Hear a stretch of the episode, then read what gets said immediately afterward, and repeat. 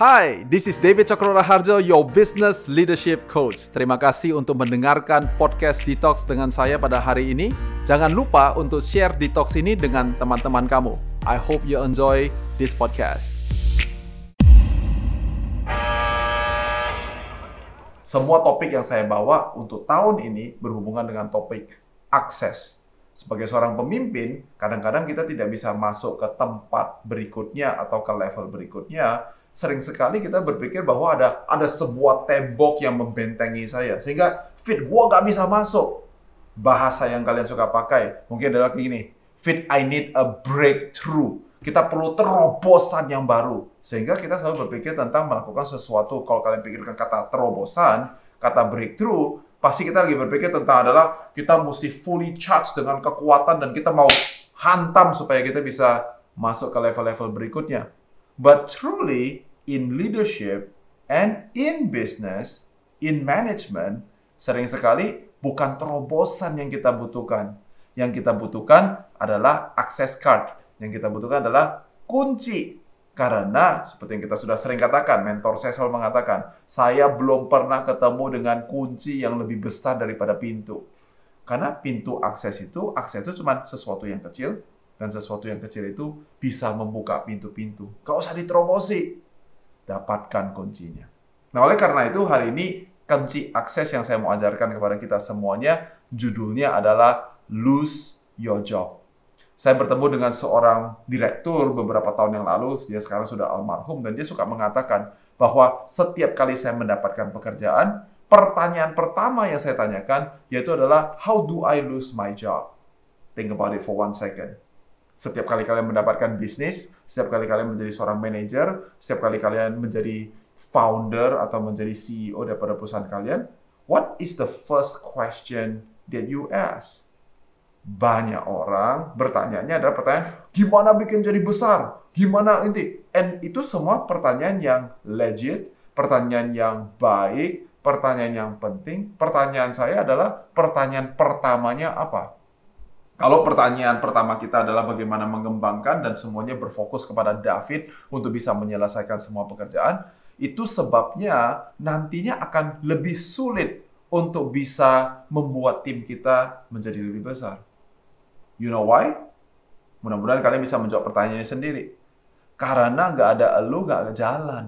Nggak ada David, nggak jalan.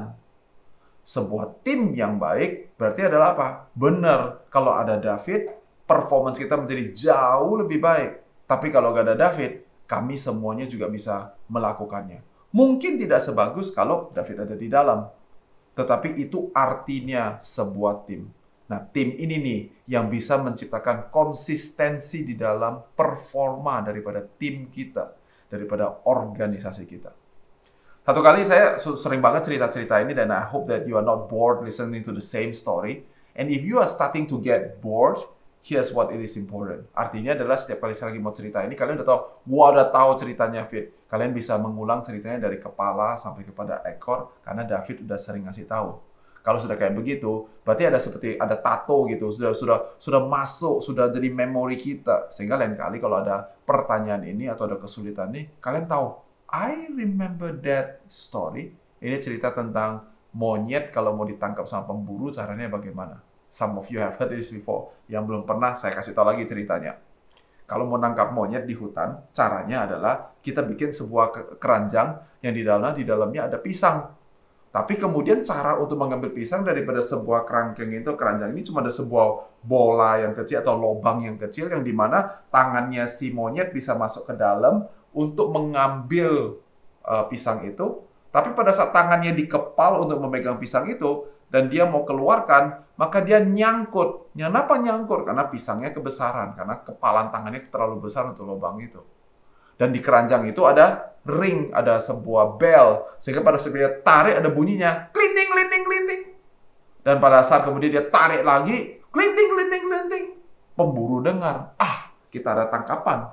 And as the hunters get closer to the monkey, monyetnya tambah gugup, dan dia mulai goyang dan dia terus paksa supaya tangannya bisa keluar. Tetapi apa yang terjadi? Semakin dia paksa, dia hanya menyakiti tangan dia sendiri, tapi dia tidak bisa melarikan diri. Waktu pada saat pemburunya sudah literally berdiri di samping daripada si monyet itu. Monyetnya mungkin teriak, aja terus berteriak di situ. Tapi dia tetap tidak bisa melepaskan diri dia. Padahal kita yang mengerti, yang punya knowledge, kita bilang begini, hei monyet, kalau mau lepas, lepasin pisangnya, betul nggak? Karena kalau dia lepasin pisangnya, apelnya, atau apa pun yang dia lagi pegang di situ, maka lubang itu cukup besar untuk bisa meninggalkannya. When you think about the concept and access kalian namanya adalah lose your job, saya mau kita berpikir tentang cerita si monyet ini. Karena kalau kita udah tahu cerita monyet ini, banyak sekali, sering sekali saya bertemu dengan para pemimpin, kesulitan kalian cuman gara-gara you cannot let go kita tidak bisa meninggalkan kesempatan lama atau pisang-pisang lama yang sudah enak yang kita udah tahu adalah gua cuma bisa dapatnya di sini aja. Melupakan bahwa di luar sana masih ada pohon-pohon yang lain, masih ada tumbuh-tumbuhan yang lain, masih ada buah-buahan yang lain yang di mana kita bisa nikmati dengan melimpah, tapi kita terikat, kita terjebak dengan satu pisang atau satu buah yang ada di dalam keranjang itu. Ada tiga hal kalau kita mau pikirkan tentang losing your job. Yang pertama adalah when you lose your job, you are free to get another job. Coba pikirkan. Kalau kita kehilangan kerjaan kita yang sekarang, makanya kita punya kesempatan untuk punya pekerjaan yang lain. Sering sekali, kadang-kadang beberapa dari kalian mungkin yang sedang mendengarkan ini, kalian ingat pembicaraan kalian bersama dengan saya kalian WA saya, kalian telepon saya, kalian DM saya dan bilang gini, fit gua kehilangan kerjaan gua. And you, if you are that guy or that lady, kalian sering tahu bahwa jawaban David selalu sama. Whenever somebody lose a job and he comes and tell me, I say congratulations. Dan biasanya orang semua bilang, hah? Kehilangan kerjaan kok malah di congratulate fit. You know, when you lose a job, now you have an opportunity to get another job di dalam pekerjaan yang sekarang kita lagi kerjakan, apa pun bisnis ataupun pekerjaan yang sedang kalian kerjakan pada saat ini, selalu ada pelajaran yang penting. Dan pada saat kita kehilangan pekerjaan kita, di situlah kita mendapatkan intisari daripada pekerjaan yang kita sedang lakukan. Kalau dari Senin sampai Jumat, dari pagi sampai malam, kita terus hanya aktif di dalam pekerjaan kita and you don't lose your job, sering sekali kita menjadi terikat di dalam aktivitas keseharian kita dan kita nggak punya kesempatan untuk reflect, kita tidak punya kesempatan untuk berpikir dan melihat dan sebetulnya hari ini saya kerja apa ya? Sebetulnya saya hari ini lakukan apa ya? So, kadang-kadang, mungkin tidak selalu, tapi kadang-kadang kehilangan pekerjaan, kehilangan bisnis, bisnisnya bangkrut, itu sebetulnya justru adalah sebuah kesempatan emas untuk kita bisa mendapatkan bisnis atau pekerjaan yang lain. Kita berpikir mungkin pada saat kita kehilangan, kita bilang gini, mati deh gua. Tapi ternyata gak agak mati. Justru kita baru tahu adalah ternyata saya ke tempatnya orang lain, saya bisa kerjakan kerjaan yang sama dihargai dua kali lipat. Sebagai contohnya. Tapi tanpa kehilangan, kita tidak pernah bisa mengapresiasi apa yang ada di luar di situ. Tentu ini bukan poin saya sama sekali, karena saya gak lagi kasih tahu sama kalian terus besok semuanya uh, berhenti dari pekerjaan kalian. Bukan. Saya mau kasih contoh ini supaya kalau kalian sudah cukup lama bekerja, sudah cukup lama jadi orang dewasa, kalian pasti pernah kehilangan sesuatu. Nah mudah-mudahan cerita, cerita tentang monyet, cerita tentang orang yang kehilangan kerjaan, mulai nempel di dalam pikiran kalian. Because this is a very important access card. Nah caranya untuk kehilangan kerjaan gua yang sekarang, supaya gue bisa dapat kerjaan yang baru di kantor kalian masing-masing, caranya ada dua. Yang pertama namanya adalah mendelegasikan pekerjaan saya pada orang lain. Jadi bahkan pada saat saya sebagai startup owner, pada saat saya melakukan sesuatu, saya selalu berpikir pertanyaan tentang adalah, oke, okay, sekarang saya sudah tahu cara untuk jualan barang kantor kita. Oke, okay, sekarang saya sudah tahu caranya untuk nulis laporan keuangan di kantor kita. Oke, okay, sekarang saya sudah tahu Kata kunci, saya sudah tahu. Bukan adalah cuma datang karena saya tidak suka pekerjaan itu, saya serahkan aja sama orang lain. Itu bukan delegasi yang benar. Itu namanya Anda tidak bertanggung jawab dengan pekerjaan Anda sendiri. Saya sudah bisa melakukan, dan begitu saya sudah bisa melakukan, saya berpikir yang pertama, bisa nggak ya saya delegasikan kepada orang lain? Nah, pada saat saya delegasikan kepada orang lain lah, maka saya mendapatkan kesempatan untuk melakukan sesuatu yang lain. Itu yang pertama. Satu B-nya yaitu adalah kita membuat sistem. Delegasi berhubungan dengan memberikan pekerjaan ini kepada orang lain, tetapi sistem bercerita tentang membuat sebuah environment, membuat sebuah lingkungan, sebuah sistem, supaya apa? Supaya siapa aja bisa lakukan. Termasuk dengan startup saya yang sekarang ini, yaitu adalah Sekata Indonesia Perkasa. Segala sesuatu yang terjadi dalam kantor ini, saya selalu berpikir, how do I lose my job? Saya berpikir, how do I delegate the job? And how do I build system around this job? Kalau saya bisa lakukan itu, maka saya bisa move on dan pergi kepada kesempatan yang lain. Ini adalah poin saya yang pertama. Poin saya yang kedua adalah things two jobs ahead. Oke? Okay? Ikutin saya apa? Think two jobs ahead. Coba pikirkan dua pekerjaan maju ke depan kalian. Untuk kalian-kalian yang adalah startup founder, two jobs ahead kalian mungkin adalah dari CEO, mungkin justru mesti menjadi CPO, yaitu adalah Chief Product Officer atau mesti dari COO atau mungkin dari CEO Anda perlu untuk menjadi uh, board of directors. Untuk kalian-kalian yang masih ada di dalam kantor, two jobs ahead jauh lebih gampang. Contohnya adalah, oke, okay, kayak kalau sekarang semuanya lagi mau melakukan uh, pekerjaan sebagai uh, administrator, oke, okay, berarti two jobs ahead saya adalah GM, General Manager. Untuk orang-orang seperti saya yang sudah mencapai umur di atas 40 tahun, mungkin two jobs ahead saya, saya berpikir bahwa adalah 20 tahun yang lalu, saya adalah entrepreneur, my next job setelah itu adalah sebagai seorang investor, my current job adalah sebagai seorang coach. What is my two next job ahead? I actually know that answer too. But today I'm not gonna share it to you. I'm so sorry. Oke? Okay?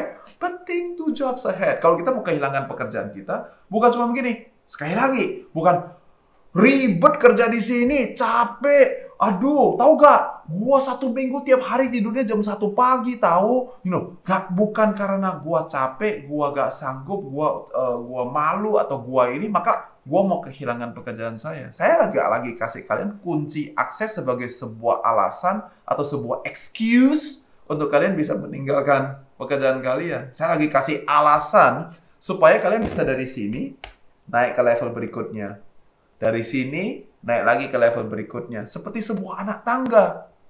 Jadi pada saat saya bilang, think two jobs ahead, maksud saya bukan just quit my job. I'm not teaching you to quit your job. I teach you to lose your job.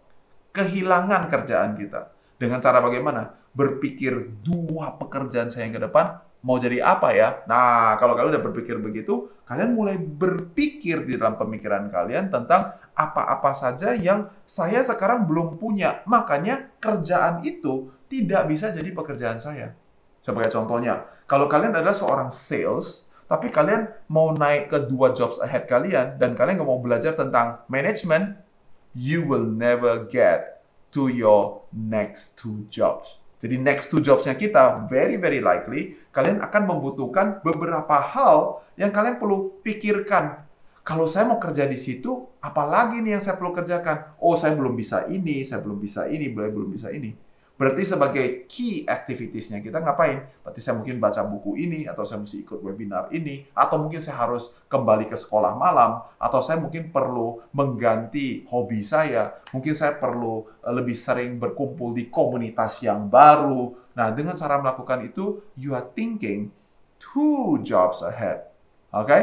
Jadi kalau kita lakukan itu sekali lagi, kalian mulai bisa mengkehilangan pekerjaan kalian. Kenapa? Nah, kalau kalian sudah sering kumpul sama saya, saya harus kasih tahu. Karena seseorang yang memiliki gelar S3, gelar doktor, pasti bisa menyelesaikan urusan daripada anak TK. Kalau orang doktoral ditanyakan, e, kenapa segitiga sama sisi, itu namanya adalah segitiga sama sisi. Buat anak TK, anak SD, mungkin jawabannya, ya because every wall is the same.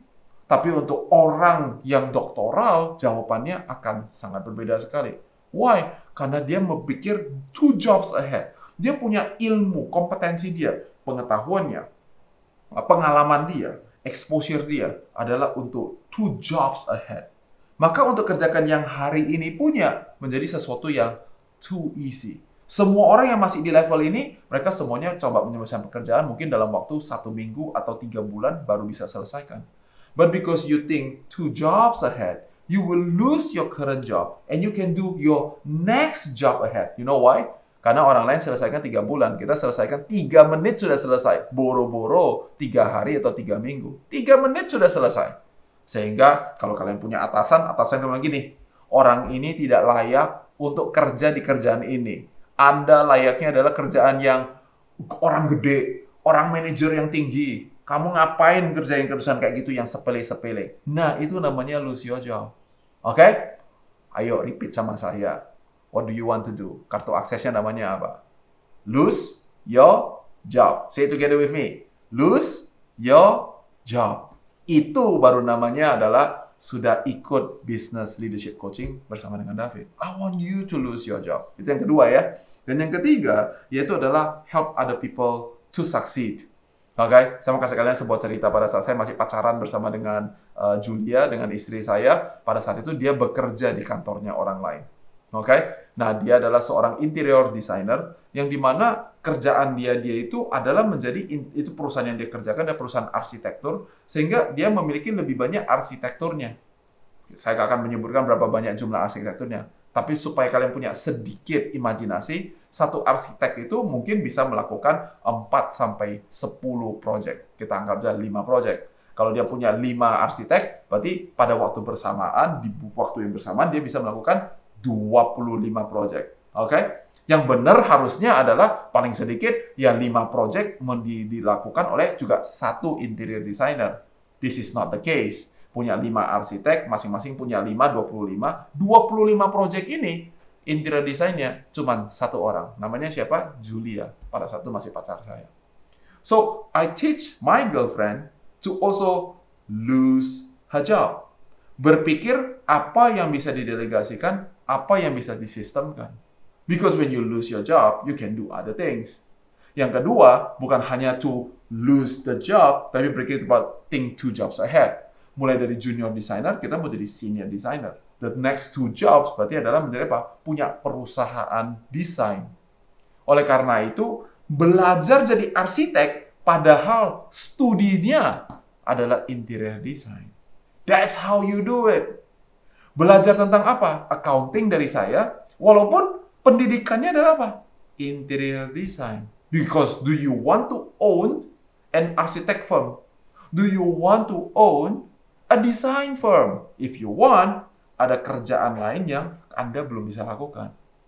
Dan kemudian yang ketiga, bukan hanya lebih daripada itu, seperti yang tadi saya contohkan, secara literal, 25 proyek yang begitu banyak, tapi dia bisa menyelesaikannya. Perusahaan orang lain mungkin butuh 5, 6, 7 desainer. Dia butuh satu orang selesaikan semuanya. Sebegitu cepatnya dia bisa menyelesaikannya, sehingga bayangkan, satu arsitek, 5 project, 25 project dikasih ke satu orang, dan dia bisa menyelesaikan semuanya dan masih punya waktu luang lagi. Pada saat dia punya waktu luang, saya bilang gini, help other people to succeed. Maka sekarang dia mulai bantu orang finance. Dia mulai bantu orang admin. Dia mulai bantu orang CS. Dan dia mulai bantu semuanya. Is it a wonder that Julia has been my partner for two decades now? That a lot of the things yang dia pegang semuanya berhasil semuanya? Because she is losing her job every single day. Nah, kata kunci untuk rahasia yang ketiga ini namanya adalah cross-pollination. Artinya adalah interior designer tapi belajar arsitek, interior designer tapi belajar electrical, interior designer tapi belajar tentang mechanical, interior designer tapi belajar tentang finance, interior designer tapi belajar tentang admin, interior designer tapi belajar tentang arsitek, interior designer itu namanya cross pollinasi. Jadi semuanya menjadi satu sehingga masakan kita lebih keren. Hanya karena apa? Karena bumbunya lebih banyak. Dapur saya lebih lengkap This is the best way to lose your job. Membantu orang lain untuk menjadi sukses. Sehingga pada satu hari, pada saat kita lagi mau pulang kampung, kita pergi ke Asia Tenggara, ya kan? Satu kantor semuanya miserable. Tahu gak kenapa? Karena istri saya tidak ada di kantor. Gak ada Julia, itu kayak gak ada baterai yang menghidupkan kantor itu. Are you that guy? If you are not that guy, you are not yet losing your job. Jadi kita kalau mau berkompetisi, marilah kita berkompetisi untuk kehilangan pekerjaan kita. Tiga hal yang sudah saya katakan, plus one saya pada hari ini itu adalah file bankruptcy every day. Banyak orang sukanya itu adalah nyimpen, nggak boleh bangkrut. Oke, okay? bahasa Indonesia apa ya file bankruptcy every day. Jadi adalah kita uh, mengajukan bahwa saya bangkrut setiap hari.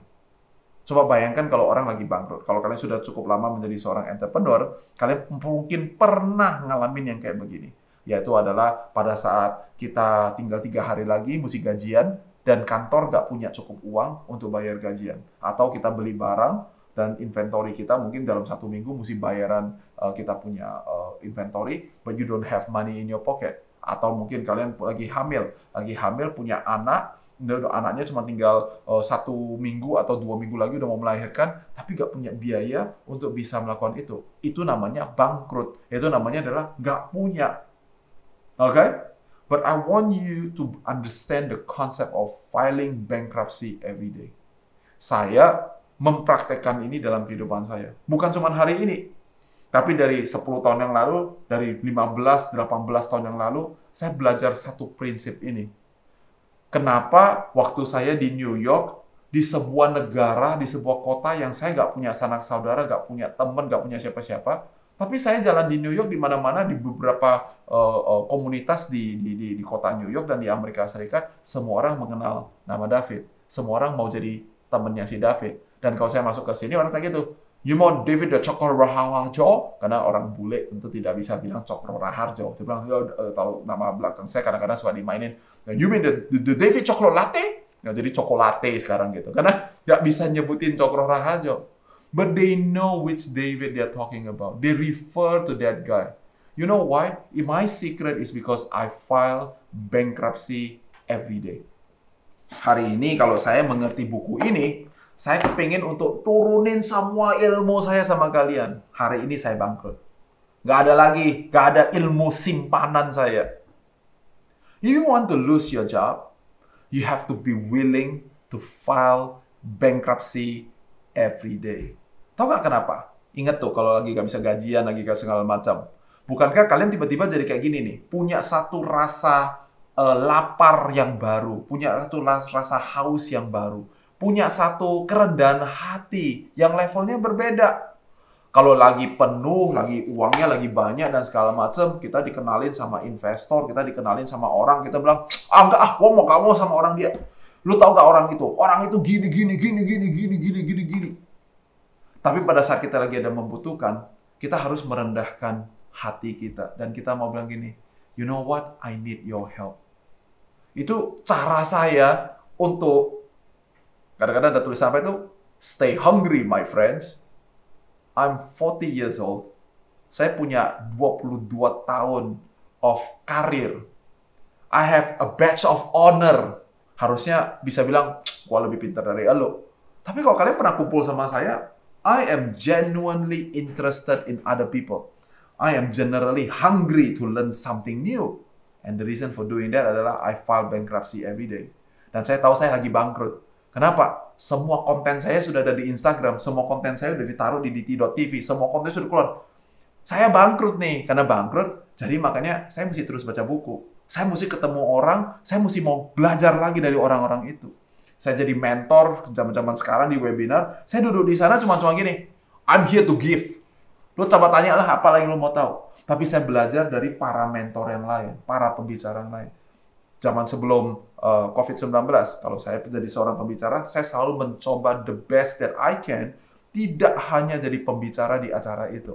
Tapi saya juga duduk menjadi seorang murid, mendengarkan orang lain, pembicara lain juga untuk mengajar di situ. You know why? Because I'm bankrupt. I'm bankrupt. Contoh-contoh saya, Gak bisa basi, gak bisa itu lagi, itu lagi, itu lagi. Ada beberapa yang tentu quote saya dan contoh-contoh saya yang akan klasik David banget, pasti, pasti. Tapi bayangkan kalau tiga tahun lagi kalian ketemu sama saya, nah Coach David, Coach Diti mah ngomongnya itu lagi, itu lagi, itu lagi, itu lagi, udah deh, bosen deh ngomong dengerin lu. Can you see? See, if you don't lose your job, is the same way that I will lose my relevancy being a business leadership coach. Jadi kalau kalian mau naik ke level berikutnya, justru rahasianya itu counter intuitif. Kita tuh maunya adalah nyimpen supaya apa? Gua masih punya senjata simpanan tahu, ah gitu kan? The more you do it, the more banyak tembok dan Anda nggak bisa masuk ke level berikutnya, nggak bisa masuk ke level berikutnya. Jadi saya kagak, saya melakukan sesuatu yang banyak orang tidak mau lakukan. Saya dengan senang hati memberikan sampai saya bangkrut. Di New York yang orang nggak kenal saya sama sekali, dalam 12-13 tahun saya jalanan di jalanan, people call me Cingli. Cingli itu adalah manager. Ini orang-orang nggak ada hubungan darah sama saya, bukan orang Indonesia, tapi mereka panggil saya itu dengan sebuah sebutan seorang manager. Kenapa? Because I file bankruptcy every day. Wherever I go, I want to give my best to other people. 11 tahun sekarang saya pindah ke kota Jakarta. 11 tahun yang lalu, saya cuma kenal beberapa anggota keluarga saya di Jakarta. 11 tahun kemudian, saya punya begitu banyak teman-teman di Indonesia, di Jakarta. You know why? Whenever I meet people, I say I want to file bankruptcy every day. That's the key to lose your job. Not quit your job. Lose your job. Bukan uh, quit, bukan berhenti, tetapi kita kehilangan pekerjaan kita. Dan kalau pada saat kita kehilangan pekerjaan, semua kita punya mentalitas kehilangan pekerjaan kita. Maka adik-adik kita, generasi yang lebih muda kita, semuanya punya kesempatan untuk naik. Tapi bukan mereka naik terus kita gak apa-ngapain. Dia naik, kita mesti buka jalan lagi untuk mereka. Alright? What do I want you to do? I want you to lose your job. Mudah-mudahan berguna buat kalian semuanya. Dan sekarang saya siap untuk menjawab beberapa pertanyaan dari kalian. Ada yang bertanya nih, David. Bagaimana cara yang sehat untuk merayakan atau mengapresiasi milestone dari plan kita yang udah achieve? Ah, that's very good. Um, tergantung milestone-nya berapa panjang. Coba bayangkan begini, kalau semuanya uh, kalian punya anak, dan kemudian uh, anak-anak uh, hari ini nyelesain PR That is a milestone, right? Every day is a milestone. Terus kita rayainnya kayak gini. Oh, papa beliin uh, mobil, semua kayak gitu. Nah lo, berarti 365 hari atau 250 hari dalam satu tahun, berarti 250 mobil. Tentu kebesaran. So, if the milestone is short, then you want to celebrate small wins. Kita mau uh, merayakan kemenangan-kemenangan yang kecil. Kemenangan yang kecil, maka kita juga rayakan dengan cara yang kecil. Caranya bagaimana? Kadang-kadang duit aja gak perlu.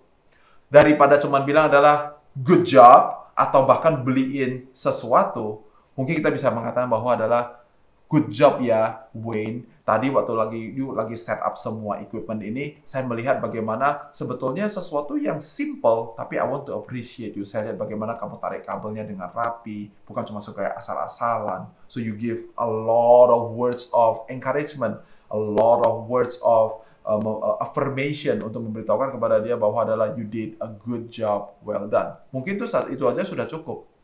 Oke, okay? tapi kalau semuanya milestone-nya besar, sebagai contohnya uh, penjualan kita maunya adalah 100 rupiah dan kita sudah mencapai 50 rupiah, ya, tentu itu adalah sesuatu big milestone, itu bukan sesuatu yang cuman kecil-kecil lagi. Apalagi kalau butuhnya adalah dalam waktu enam bulan, ternyata bisa mencapai 50 dalam waktu empat bulan, berarti dua bulan lebih cepat. That is an important milestone. And that is a big milestone. Then you need to also celebrate it in a big way. Now, saya tidak akan cerita dalam kantor, but I'm gonna tell you something. Di keluarga saya, setiap kali kita menginjak kaki di bulan Juli, anak-anak saya selalu tahu bahwa ada a big milestone that is happening. Setiap tahun mereka mengharap-harapkannya. Mereka bilang gini, satu bulan ini, 30 hari ke depan ini, Daddy is going to be with me 30 days straight. Dia gak bakalan ngangkat telepon, dia gak bakalan kerja. At least dalam imajinasi mereka. Karena jam 5 pagi waktu dia masih tidur, saya tetap angkat telepon dan saya tetap bekerja. Because not all time in this world is equal. That is another lesson for another day. Tapi saya lakukan tuh dengan cara yang besar. Kita gak naik pesawat yang paling murah, kita gak cari hotel yang paling murah, kita gak pergi makan makanan yang paling murah, tapi we celebrate. Kenapa? Ini adalah waktunya adalah kalian sudah kerja keras, kalian sudah sekolah baik-baik. Nah sekarang papa akan merayakan sesuatu yang besar. Itu menjadi sesuatu yang repetitif dan diharap-harapkan oleh anak-anak saya. In your team is the same way. You have to understand What is the big milestone dan yang setiap tahun kita mau rayakan dengan a big way. Bukti bahwa kalian sudah melakukan celebration kalian dengan baik harusnya begini. When you do celebrate small wins, orang yang menerima mereka cuman oh ya yeah, thank you udah selesai. Gak ada gini, oh my god thank you so much ya. And then kemudian apa segala macam. Gak ada. Biasa-biasa aja. Coba bayangkan setiap hari saya puji anak saya, kita kasih mereka makan. Kan mereka gak tiap hari dikasih makan gini, Oh, Bapakku yang terkasih, terima kasih. Kan nggak dramatis begitu lagi, betul nggak sih? Tapi coba bayangkan kalau anak-anak kalian udah remaja seperti anak saya kayak gitu. Kita bawa mereka ke holiday. It's a big way. It's celebration yang besar. Mungkin mereka rangkul kita, memang adalah, Papa, thank you so much, ini liburan keren. Mungkin posting di Instagram, mungkin ngapain-ngapain. Mungkin waktu pulangnya bukan mungkin. Walau pulang, anak-anak saya suka bikin kartu dan bilang adalah liburan kali ini keren banget, lebih bagus daripada liburan tahun lalu. Tahun depan lagi ya Pak ya. Kenapa? Karena yang kita lakukan dengan besar, lebih mahal, mengambil waktu, perlu kreativitas, perlu energi. Berarti hasilnya juga mereka bisa appreciate in a big way too. So gimana cara taunya have I celebrate or not? Kalau you celebrate in a big way dan tidak ada respon kembali untuk apresiasi itu, you've done it wrong. Kalau kita lakukan yang kecil-kecil-kecil-kecil dan nggak ada orang yang ngomong apa-apa, seakan-akan they take it for granted, you're doing the right job. Kalau setiap hal yang paling kecil yang kita lakukan untuk anak-anak kita, untuk tim kita, dan mereka semuanya kisahnya sembah sujud sama kita, you're doing it wrong. Jadi dua cara untuk melihat. I hope it's useful for you. Thank you so much, David.